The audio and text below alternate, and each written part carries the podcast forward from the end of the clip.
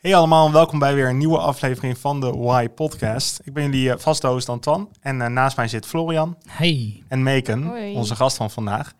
En uh, we gaan het zo meteen over nou ja, toch wel een wat ander onderwerp dan normaal hebben. Waarover Florian? We gaan het hebben over een heel mooi en gevoelig onderwerp. Een lastig onderwerp waarvan we dachten, het is wel iets waar iedereen waarschijnlijk mee te maken krijgt in zijn leven. Um, het is depressie. Ja, ja, daar komen we zo op terug in elk geval.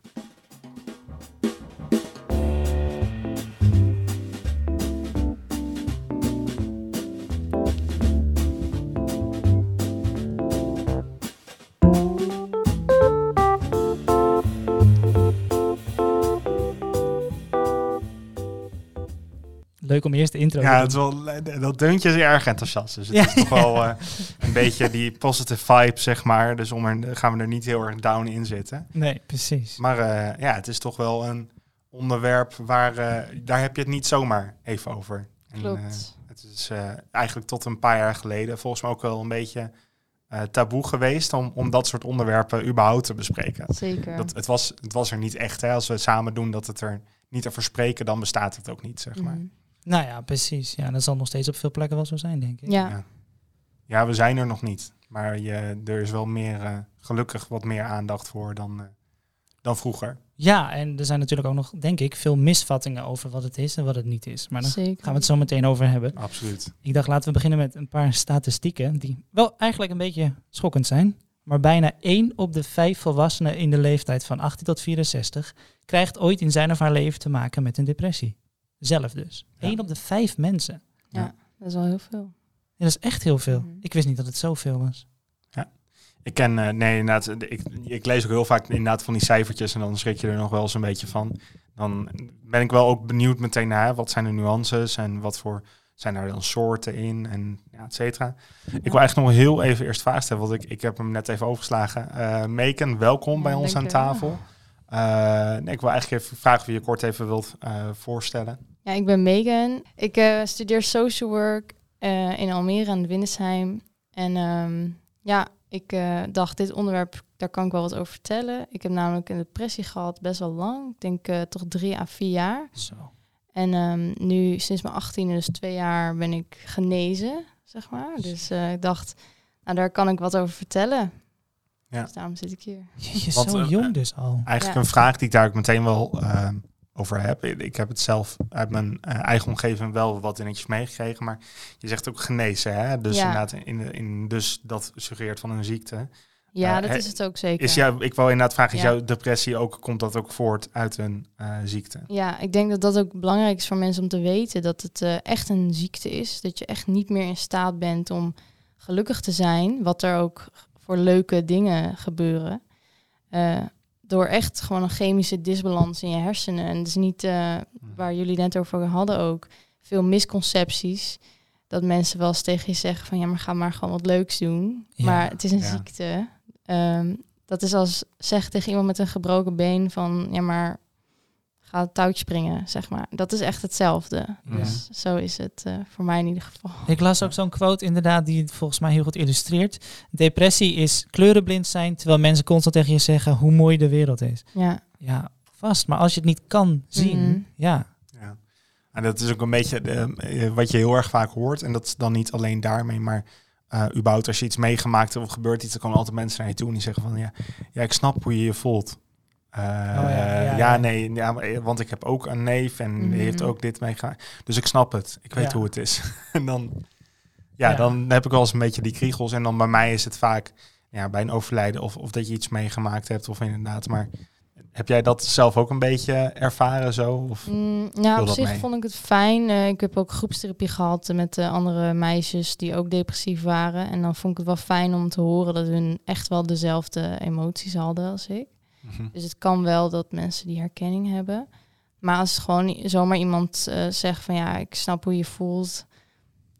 Ja, zonder eigenlijk door te vragen op hoe je je eigenlijk voelt, dan is dat, kan dat wel vervelend zijn natuurlijk. Ja. Dan kan je misschien nog zelfs meer onbegrepen voelen. Ja. Dat mensen niet echt de indruk geven dat ze Ja. je willen begrijpen. mhm. Wat, wat is wel fijn om te horen van mensen? Mm, heel eerlijk gezegd, denk ik dat er niet iets is wat iemand kan zeggen wat echt helpt. Oh ja. Ik denk dat het eh, fijne wat mensen kunnen doen is een afleiding geven, naar je luisteren. Maar er zijn geen wonderzinnetjes die je beter maken, zeg maar. Nee. Nee. Ik kan me ook eh, voorstellen, en een, een beetje uit mijn eigen ervaring, dat die ehm, strijd, om het zo te noemen, Mhm. eh, dat is er uiteindelijk wel eentje die je zelf Ja. Moet voeren. Ja. En je, je kunt natuurlijk heel veel hulp krijgen en Mhm. heel veel steun van heel veel mensen. Ja. Maar op het moment dat je er zelf, nou ja, in die zin bijvoorbeeld geen stappen in zou nemen, kan ik me voorstellen dat het heel lastig is om, eh, om daar ook uit te komen. Ja, het is ook eh, zo dat depressieve mensen zijn gewoon eh, met zichzelf bezig. Ja. Dat klinkt gewoon een, een beetje gemeen misschien, maar in ieder geval toen ik depressief was, ehm, kon ik me niet inbeelden dat iemand anders last zou hebben van hoe ik me gedroeg. Ja. Dus je bent echt, je bent zo erg somber en in je eigen hoofd ehm, aan het vechten eigenlijk tegen die, die negatieve gedachten die steeds erger worden naarmate je depressie erger Ja. wordt. Dat, eh, ja, Ik, eh, ik vind dat wel eens lastig, want ik heb wel eens ehm, te, te, eh, te maken gehad met iemand met een borderliner. En ja. die eh, ja, aan de ene kant is het heel moeilijk om iemand iets kwalijk te nemen, Mhm. omdat er een ziektebeeld achter zit. En aan de andere kant worden er wel dingen gedaan die je heel makkelijk aan iemand kwalijk zou kunnen nemen, omdat het heel Ja. veel ehm, schade verricht. Dat is zeker. Ik heb ook wel dingen gedaan waar ik achteraf spijt van heb gehad. En ik ben heel erg blij en dankbaar dat er mensen zijn die, me, die bij me gebleven zijn, die van me zijn blijven houden eigenlijk. Door al die jaren heen. En ik denk dat als je dat als buitenstaander kan blijven doen voor iemand, dat het eigenlijk ook het mooiste is wat je kan doen. Ja. Voor iemand met een depressie.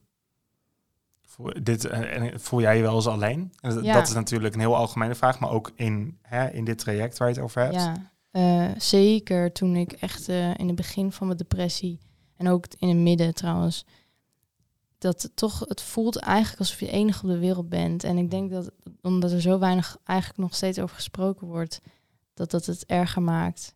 Ja. En, en zeker ook voor mannen met een depressie dat vaak, dat die nog meer ehm, zich eenzaam voelen, omdat ze denken dat ze het er nog minder over kunnen hebben. Ja, Ja. ja. klopt. Dat is, dat is eh, ook deel van de toxic masculinity, Ja. wat nu ook heel veel eh, wordt besproken natuurlijk. Dat Mhm. mannen überhaupt, veel mannen, niet de kans krijgen of niet denken dat ze de kans krijgen om over hun gevoelens te praten. Nou, laat Ja. staan als ze zo diep gaan als dat Ja. eigenlijk. Ja, zeker. Hey, jij noemde, denk ik, heel bewust het woord somber en niet verdrietig. Ja, Is dat een andere misconceptie? Ja, nou ja, mm, op zich verdrietig vind ik een normaler gevoel als, als er dingen gebeuren die je niet fijn vindt. Maar als je depressief bent, dan ben je eigenlijk constant in een soort donkere staat van zijn. En verdrietig is dat net niet eigenlijk. Ja, en ik heb ook wel eens gehoord dat um, in een depressie zitten is niet per se dat je altijd verdrietig dan bent, maar het is voornamelijk de afwezigheid van gevoel. Je, je Ja. kan geen geluksgevoel meer hebben. Ja, voor mij was het in het begin gewoon, eh weet je, de, ehm, minder positieve gevoelens hebben en gewoon minder uitkijken naar, naar leuke dingen die ik voorheen in ieder geval leuk vond. En dan hoe verder het gaat, als je op een gegeven moment echt in een wat zwaardere depressie, zit, dan zijn het inderdaad, voel je eigenlijk niks meer of, of het is helemaal afgevlakt. Ja, Maar dan kun je eigenlijk nog beter verdrietig zijn. Of dat was in ieder geval wat ik vond. En is het dan ehm, op zo'n eigenlijk constant de hele tijd kut? Of is het meer dat het heel erg pieken, dalen eh, is? Mm, op zich, ik, in het begin had ik pieken en dalen, maar op een gegeven moment is het echt constant een gevoel van afgevlaktheid en helemaal geen, eh, ah, ja, helemaal geen emoties eigenlijk meer. Jezus.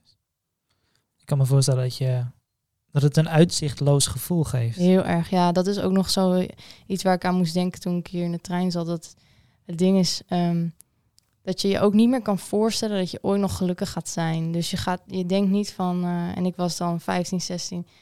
Ik dacht echt van, dit is mijn leven, zeg maar. En het gaat Ja. nooit meer beter worden. En dat is ook, ik denk als je zou denken dat, dat het ooit wel weer beter gaat worden, dat het misschien ook makkelijker is. Ja, Ik kan me voorstellen dat dat het ook eh, juist lastig maakt in zo'n nou ja, g- geneestraject dan, eh, om, omdat je natuurlijk als mensen hebben we eigenlijk een soort een einddoel nodig wat we kunnen zien om, om daar naartoe te werken. En ook als een soort motivatie van hè, hier doe ik het voor. En op het moment dat je niet meer zicht hebt op wat er aan het eind van de rit staat of, of waar je het eigenlijk voor doet, Mhm. kan ik me wel voorstellen dat het überhaupt al lastig is om iets te doen. Laat staan eh, iets waar je zo erg, nou ja, zo met strukkelt eigenlijk. Ja, en dat is ook dat uitzicht ook in een soort luiheid voor de buitenwereld. Dat je eigenlijk niks meer, eh, nergens meer moeite voor wil doen. Want er is geen doel. Het wordt toch niet beter. Nee, eh, waarom zou je schooldiploma gaan halen? Waarom ga je met je vrienden afspreken? Waarom al die dingen? eh, waarom ga je de afwas doen? Dat zijn zelfs dingen Ja. die je niet meer nodig vindt eigenlijk. Ja, en er zit natuurlijk ook wel een wereld van eh, verschil in wat begrip en wat normaal is. Want Mhm. Uh, dit is niet een vraag of zo naar jou, dus hoef je ook niet per se antwoord op te geven. Maar als je bijvoorbeeld kijkt naar eh, zelfbeschadiging, ehm, dat is iets wat ik nooit helemaal ga begrijpen. Oh, hoezeer ik me ook kan verplaatsen hè, in een bepaalde wereld. Want in mijn mindset en hoe ik als persoon ben, Mhm. ehm, snap ik heel slecht nou ja, wat, wat kan er in godsnaam voor een gevolg zijn. eh, wat, nou ja, waardoor je dat zou doen. En in, in praktijk of in de, in de theorie ken ik wel dat er Mhm. een bepaalde stof is die vrijkomt eh, als je dat doet. Eh, waar eh, eigenlijk voor, nou, waardoor je dus een soort stimulans krijgt. Maar Ja. dat maakt het nog steeds moeilijk om ehm, begrip te vormen. Mhm. Zeg maar. Snap ik wel. Maar er zit zo'n eindeloos groot verschil inderdaad tussen mensen die door zo'n letterlijk zo'n zo'n ziekte eh, hebben en door zo'n diep dal gaan en Mhm. mensen die dat niet hebben. Ja. Ik bedoel, ik heb ook wel perioden dat ik me echt ongelukkig heb gevoeld. Ehm, maar ik moet wel zeggen dat ik eigenlijk altijd wel zeker wist dat het wel beter zou worden. Mhm. En Ja. het was meer van, ja, hoe- maar hoe lang gaat het nog Ja. kut voelen, zeg maar. Ja. En dat is zo'n verschil met, ja, eigenlijk ervan overtuigd zijn dat het niet beter wordt. Mhm. Maar depressie is in die, zin- die zin ook een hele brede term natuurlijk. Want Ja. we, er zijn zoveel mensen eh, in de maatschappij die zeggen van... Oh ja, ik voel me echt depressief of zo. Terwijl, terwijl het Oh, meer ja. een ehm, tegenslagmoment is. En het nare daaraan is dat je nooit 100% voor een ander kunt inschatten... Nee. in wat voor positie ze staan en hoe ze nu door het leven gaan. Maar Nee. ik denk wel dat er tegenwoordig makkelijk dat soort woorden gebruikt worden. Oh, Zeker. absoluut. Zeker ook in het Engels. Omdat hè? inderdaad, oh, I feel ja, so ja, depressed. precies. Dus het wordt meer als een, een soort hè, state of being at that very Ja. moment gebruikt dan, eh, oh, dit is een ziektebeeld waar ik eh, eigenlijk constant eh, last van heb. Ja, maar op zich, eh, om echt gediagnosticeerd te worden met een depressie, moet je ook wel door een heel traject heen. Ja, Het precies. is niet zomaar tegen een psycholoog zeggen van, oh, ik voel me een beetje somber vandaag. Dat zo. eh, En, waarom, waarom ging je dat traject in als je eigenlijk wist dat het niet beter ging worden? eh, nou, dat is eigenlijk wel ook meteen een super heftige vraag. Het, ja, sorry, als ik te ver ga, moet je ja. dat ook aangeven. Nee, ik vind het prima hoor. Ik weet alleen niet wat jullie allemaal willen weten. Maar ehm, ja, ik was eigenlijk, eh, hield ik het allemaal voor mezelf. Ik was 15 en ehm, ja, op een gegeven moment was ik, zat ik er zo doorheen dat ik een keer een overdosis pillen genomen heb. Oh. En eh, ja, toen was mijn moeder van, we gaan nu naar een psycholoog. Want dat je bewust gedaan? Ja. Oké. God. Ja. Dat is wel heftig. En toen moest het eigenlijk van je moeder Ja, soort ja, ik had tegen mijn moeder verteld en eh, ja, toen moest er wel wat gebeuren. Maar dan zat er daar dus ergens nog wel een, een liefde die je voelt voor je moeder. Ja. Ja, en vooral heel veel schuldgevoel ook. Oh. oh, dat vind ik wel bijzonder dan weer. Ja, nou ja, dat is op zich wel, mensen met een depressie denk ik dat die dat wel heel erg herkennen. Je voelt je zo schuldig naar de mensen, vooral die echt heel dichtbij staan, want die doe je wel pijn ermee. Die zien dat allemaal. Ja. Nog een negatieve emotie erbij. Ja, Schuldgevoel. eigenlijk wel. Jeetje. Ja. En was er bij jou, als ik er naar vragen mag, was er bij jou een, een, eh, concrete aanleiding dat je, nou ja, depressie ontwikkelde? Ja, ik, eh, het duurde een paar jaar uh, voordat ik daarachter kwam. Ben ik in therapie ook, hebben we het daar heel veel over gehad. En ik denk dat er heel veel dingen zijn geweest. Ik, had, ik heb ook een um, autisme-diagnose. Dus ik heb ook wel moeite gehad met um, aansluiting vinden met mijn klasgenoten. En mijn ouders zijn gescheiden. En dat is wel al heel lang geleden gebeurd. Maar daar heb ik wel altijd heel erg veel last van uh, ervaren eigenlijk. Ja, en nog veel meer andere dingen. Ik heb uh, ook wel misbruik meegemaakt. En uh, toch een opstapeling van heel veel negatieve dingen. En op een gegeven moment, ja, ik was zo jong. Ik was 13, zeg maar. En eh, ja, ik wist eigenlijk niet meer hoe ik ermee om moest gaan. Nee, tuurlijk niet. Als 13-jarige weet je bijna nergens waar je mee, hoe je ermee Nee. om moet gaan. Laat staan Nee. dit soort dingen. Dus ja. Jeetje. Het is echt intens jong om dat mee te maken. Ja, nou, ik krijg ook wel veel te horen van mensen als ik zoiets zeg. Van, ah, het kwam door de puberteit.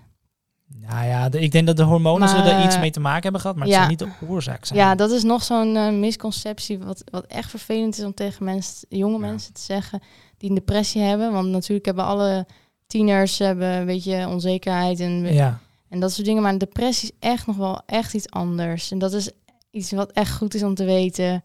Dat je dat niet tegen je kind van 15 moet zeggen als hij naar je toe komt. Eh, dat hij zich echt niet goed voelt. Om ah, het zo, joh, over ja, een paar jaar is het, eh dan ben je er vanaf. Ja, dat zijn hormonen. nee. God. dat is. Maar ik eh, kan me echt heel erg voorstellen dat het zo moeilijk is om daar een inschatting van te ja, maken. dat Want snap ik ook ik wel. ben ook wel heel erg zo ingesteld van, hè, eh, we hoeven niet van elk dingetje eh, iets op te blazen. Ja. En, en, te, en dat, dat is natuurlijk ook met dat hele MeToo-discussie, dat, dat is hetzelfde probleem waar je tegenkomt. Van, hè, ik- denk dat er nu een heleboel mensen zitten die iets veel groter maken dan het is. Maar ik wil niet meer in een eh, situatie terechtkomen waar we door die attitude niet meer mensen serieus Ja. kunnen nemen op Ja, het moment dat ze ergens voor opkomen. Ja. Maar de balans daarin is heel moeilijk te vinden. dat is ik waar. denk ook, ja, als mijn eigen kind later naar me toe zou komen met iets dat ik ook misschien in eerste instantie wel zou denken van, ja, weet Ja, maar- je, bijt er even doorheen. Ja, en daarnaast ook dat je als ouder ehm, heel graag wilt dat het niet een Dat depressie het, is. ja, dat het Ja. niet Dus zo is. Ja. Je hoopt dan zeg maar je kind eruit te praten of zo. Dus van, nou, zo erg is het niet, toch? Ja. Zeg maar Ja. dat het niet zo is. Ja, ja. Ja. een beetje. Ja, ik denk ook wel dat het een verschil is als je kind twee weken zich niet fijn voelt. Of, of dat het echt aanhoudend. Ja, ja, dat Is het Ja. inderdaad een keertje gezegd of, of Ja. is het iets wat je, waar je een trend in ziet? Ja. precies. Ik denk ook dat ehm voorlichting best wel een dingetje hierin is. En Ja, dat is in, wat ik al zei, hè, van je ziet dat er nu stappen gezet worden. Ook Rijksoverheid natuurlijk, die eh, Ja. bepaalde spotjes eh, heeft laten zien in de afgelopen jaren. Maar ik denk wel dat er nog een hele weg is die we af moeten leggen Mhm. daarin. Want wat jij inderdaad eigenlijk ook, wat we samen al een beetje besproken hebben, van ehm, het is denk ik heel erg moeilijk voor de gemiddelde Nederlander. En ook wel buiten Nederland natuurlijk, want dit is niet alleen een Nederlands probleem. eh, om te herkennen waar zo'n nee, echt een depressie zich dan Ja. eh, in zit eigenlijk. Mhm. Ik wil eh, eigenlijk wel even, we hebben samen met elkaar hebben we een, eh, een nummer uitgekozen. En die wil ik eigenlijk wel even laten horen. Eh, en ik denk dat de meeste van jullie hem thuis wel kennen. Het is een liedje eh, Everybody Hurts van Rem, als ik het zo goed uitspreek. R.E.M. Ja, R.E.M.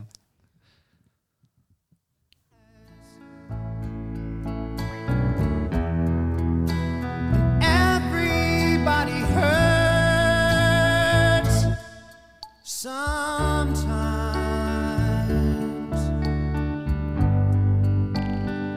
Sometimes everything is wrong.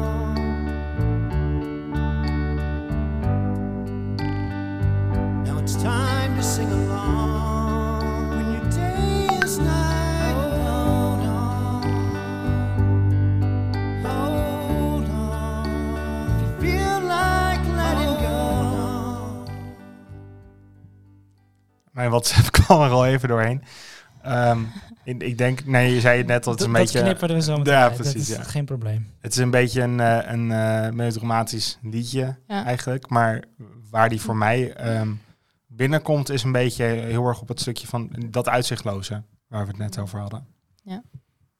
En dat is, ehm, nee, dat, dat, daar hebben we het geloof ik eerder ook wel eens over gehad. Niet per se in de context van depressie, maar wel als alles uitzichtloos is en als alles slecht gaat. En dat het dan heel eh, makkelijk is om en, nou, in die put te gaan zitten waar we toen eigenlijk over hadden. Eh, en, dat, eh, en Hans zei dat heel leuk, hè? Van je, je kunt wel in die put gaan zitten en je kunt een beetje kijken naar de muren en zo, maar je moet er op een gegeven moment wel weer uit, want ja, in die put is niet zoveel te doen.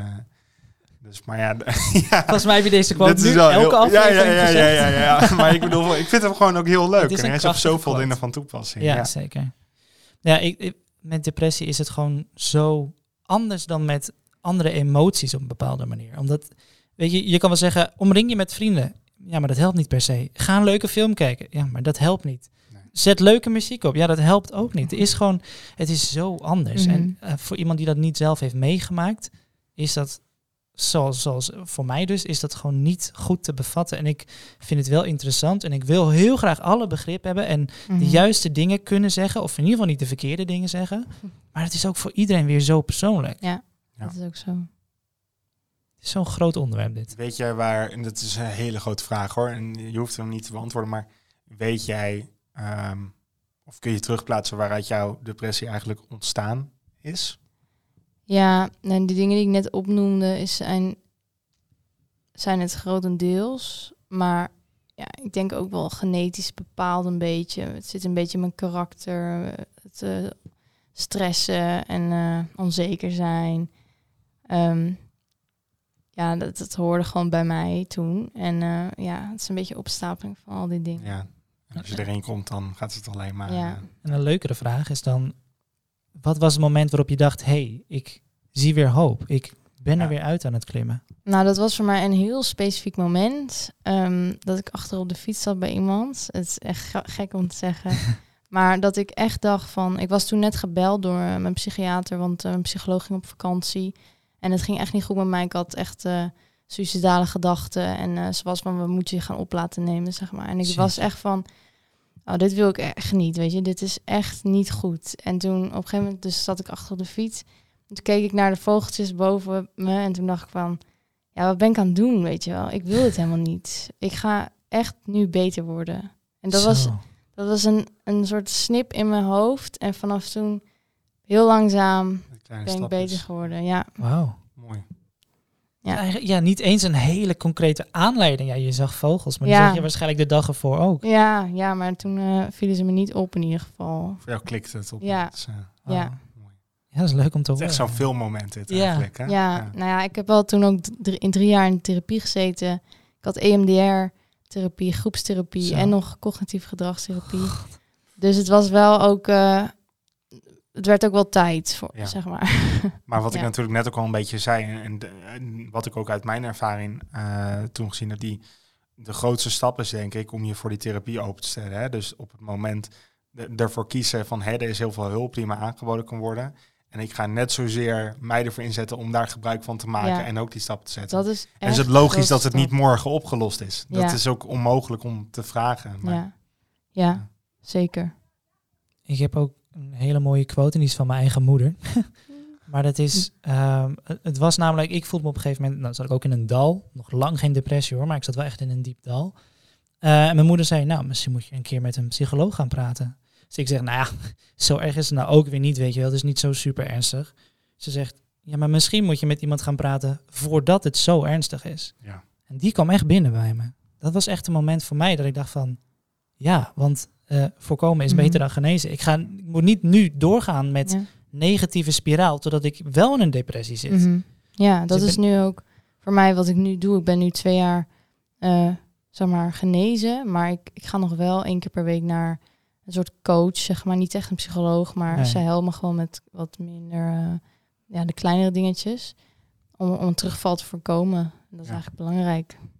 En hoe ervaar je dat? Is dat iets waarvan je zegt, nou, ik ga er met plezier heen? Of het, alleen als ik terugkom, besef ik weer dat het wel nuttig was? Of, Mm, ja, ik, het, ik heb vaak het idee dat het niet nodig is. Want dan eh, loop ik gewoon blij in mijn leven. oh ja, Maar dan, eh, ik weet, want af en toe eh, zak ik weer een beetje, zeg maar. En omdat ik zo erg bang ben eigenlijk voor een terugval, moet ik dat wel blijven doen. Moet ik zeg maar wel na blijven denken over die dingen oh ja. om het te voorkomen. Omdat ik weet als ik al die dingen loslaat en ik denk, oh, het gaat goed, weet je wel, niks aan het handje.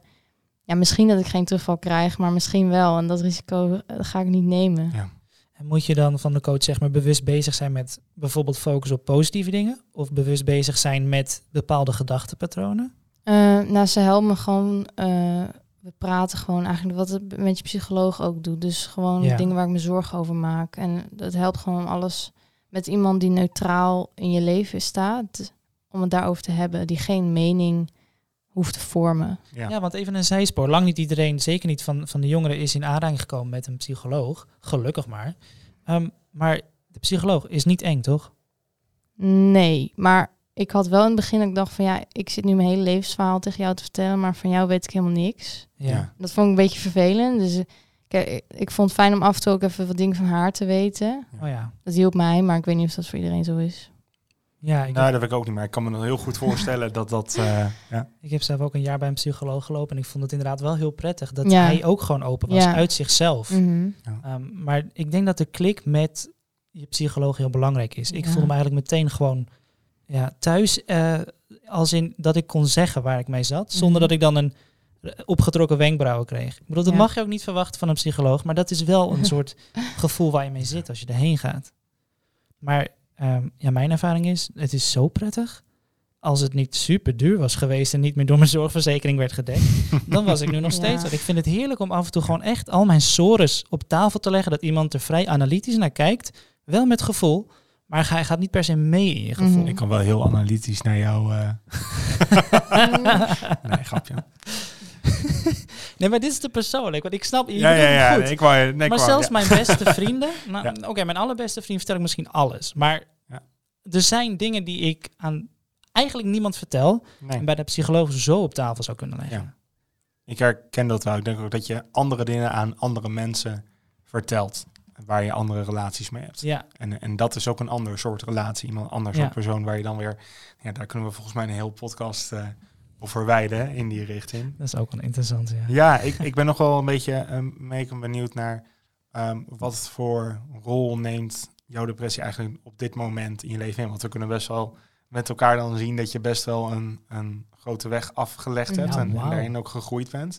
Maar ja, wat voor rol speelt dat nu? Ja, eigenlijk best wel belangrijk nog. Ik heb zo erg eh, eh, een soort angst, niet echt, maar dat inmiddels gelukkig, maar wel, ik wil echt geen terugval krijgen. En, Ja. en het kost me, ik wil alle energie daarin stoppen om, om te zorgen dat het niet gebeurt. En ehm, ja. daar ben ik ook gewoon heel erg mee bezig. Dus ik doe allemaal dingen eh, waarvan ik al gemerkt heb dat dat positieve invloed heeft op mijn gemoedstoestand en zorgt dat ik dus geen terugval krijg. Dus Ja. yoga, ik doe meditatie, ik schrijf mijn dagboek, ga naar mijn therapeut, ik heb geen social media, ik probeer een ritme in mijn dag te hebben. Allemaal dat soort dingen.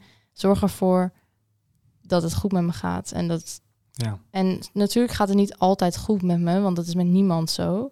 Maar dat ik tenminste stabiel blijf, of tenminste zeg maar weet dat ik geen terugval krijg. Ja. Ja. ja. Ja. Ik kan me ook wel voorstellen, wat we eigenlijk al zeiden, hè, van het is niet alleen maar denk positieve dingen. eh, Pe- Peter Pan sprookje, zeg maar, want dat is natuurlijk Neem niet... wat chocola. Nee, precies, dat is nou, niet dat hoe het- werkt best wel goed ja, hoor. ja, maar het is, eh, je kunt, eh, ik denk dat het vooral heel erg belangrijk is. Ik weet niet hoe het voor jou is, maar de, eh, Jochem Meijer die zei, geef het een plekje. ja, ja, ja. ja. ik, ik denk dat het hem daar ook wel in zit, van hoe je de dingen die wat minder in je leven zijn, de dingen die negatief zijn, Mhm. eh, hoe je dat een plek gaat geven in je leven en dan toch door kunt gaan. ja. Maar aan de, aan de ene kant die druk van ehm, geef het een plekje, weet je, doe er nou eens een keer iets mee of Ja. kom er nou eens een keer overheen. Dat wil je ook niet. Je moet de ruimte krijgen om te voelen wat je voelt, denk ik. Ja, dat wat je nu zegt, dat is uiteindelijk het beste. Dat is het enige wat helpt. Dus die emoties, laat die tranen flowen en laat het er zijn. Want Ja, het er tegen vechten, dat, eh, dat werkt niet. nee. In het moment. Ja. En uiteindelijk kwam vanuit jezelf dan die impuls en nu is het klaar. Nou ja, Ja. Nice. Ik vind het echt een heel mooi verhaal. Ik heb ook heel veel respect en bewondering voor je dat je het dank je. eh, op deze manier hier kunt en durft te vertellen. Dank je wel. Echt bedankt Eh, voor je openheid. Echt. Ja, absoluut. Ik heb nog één laatste vraag.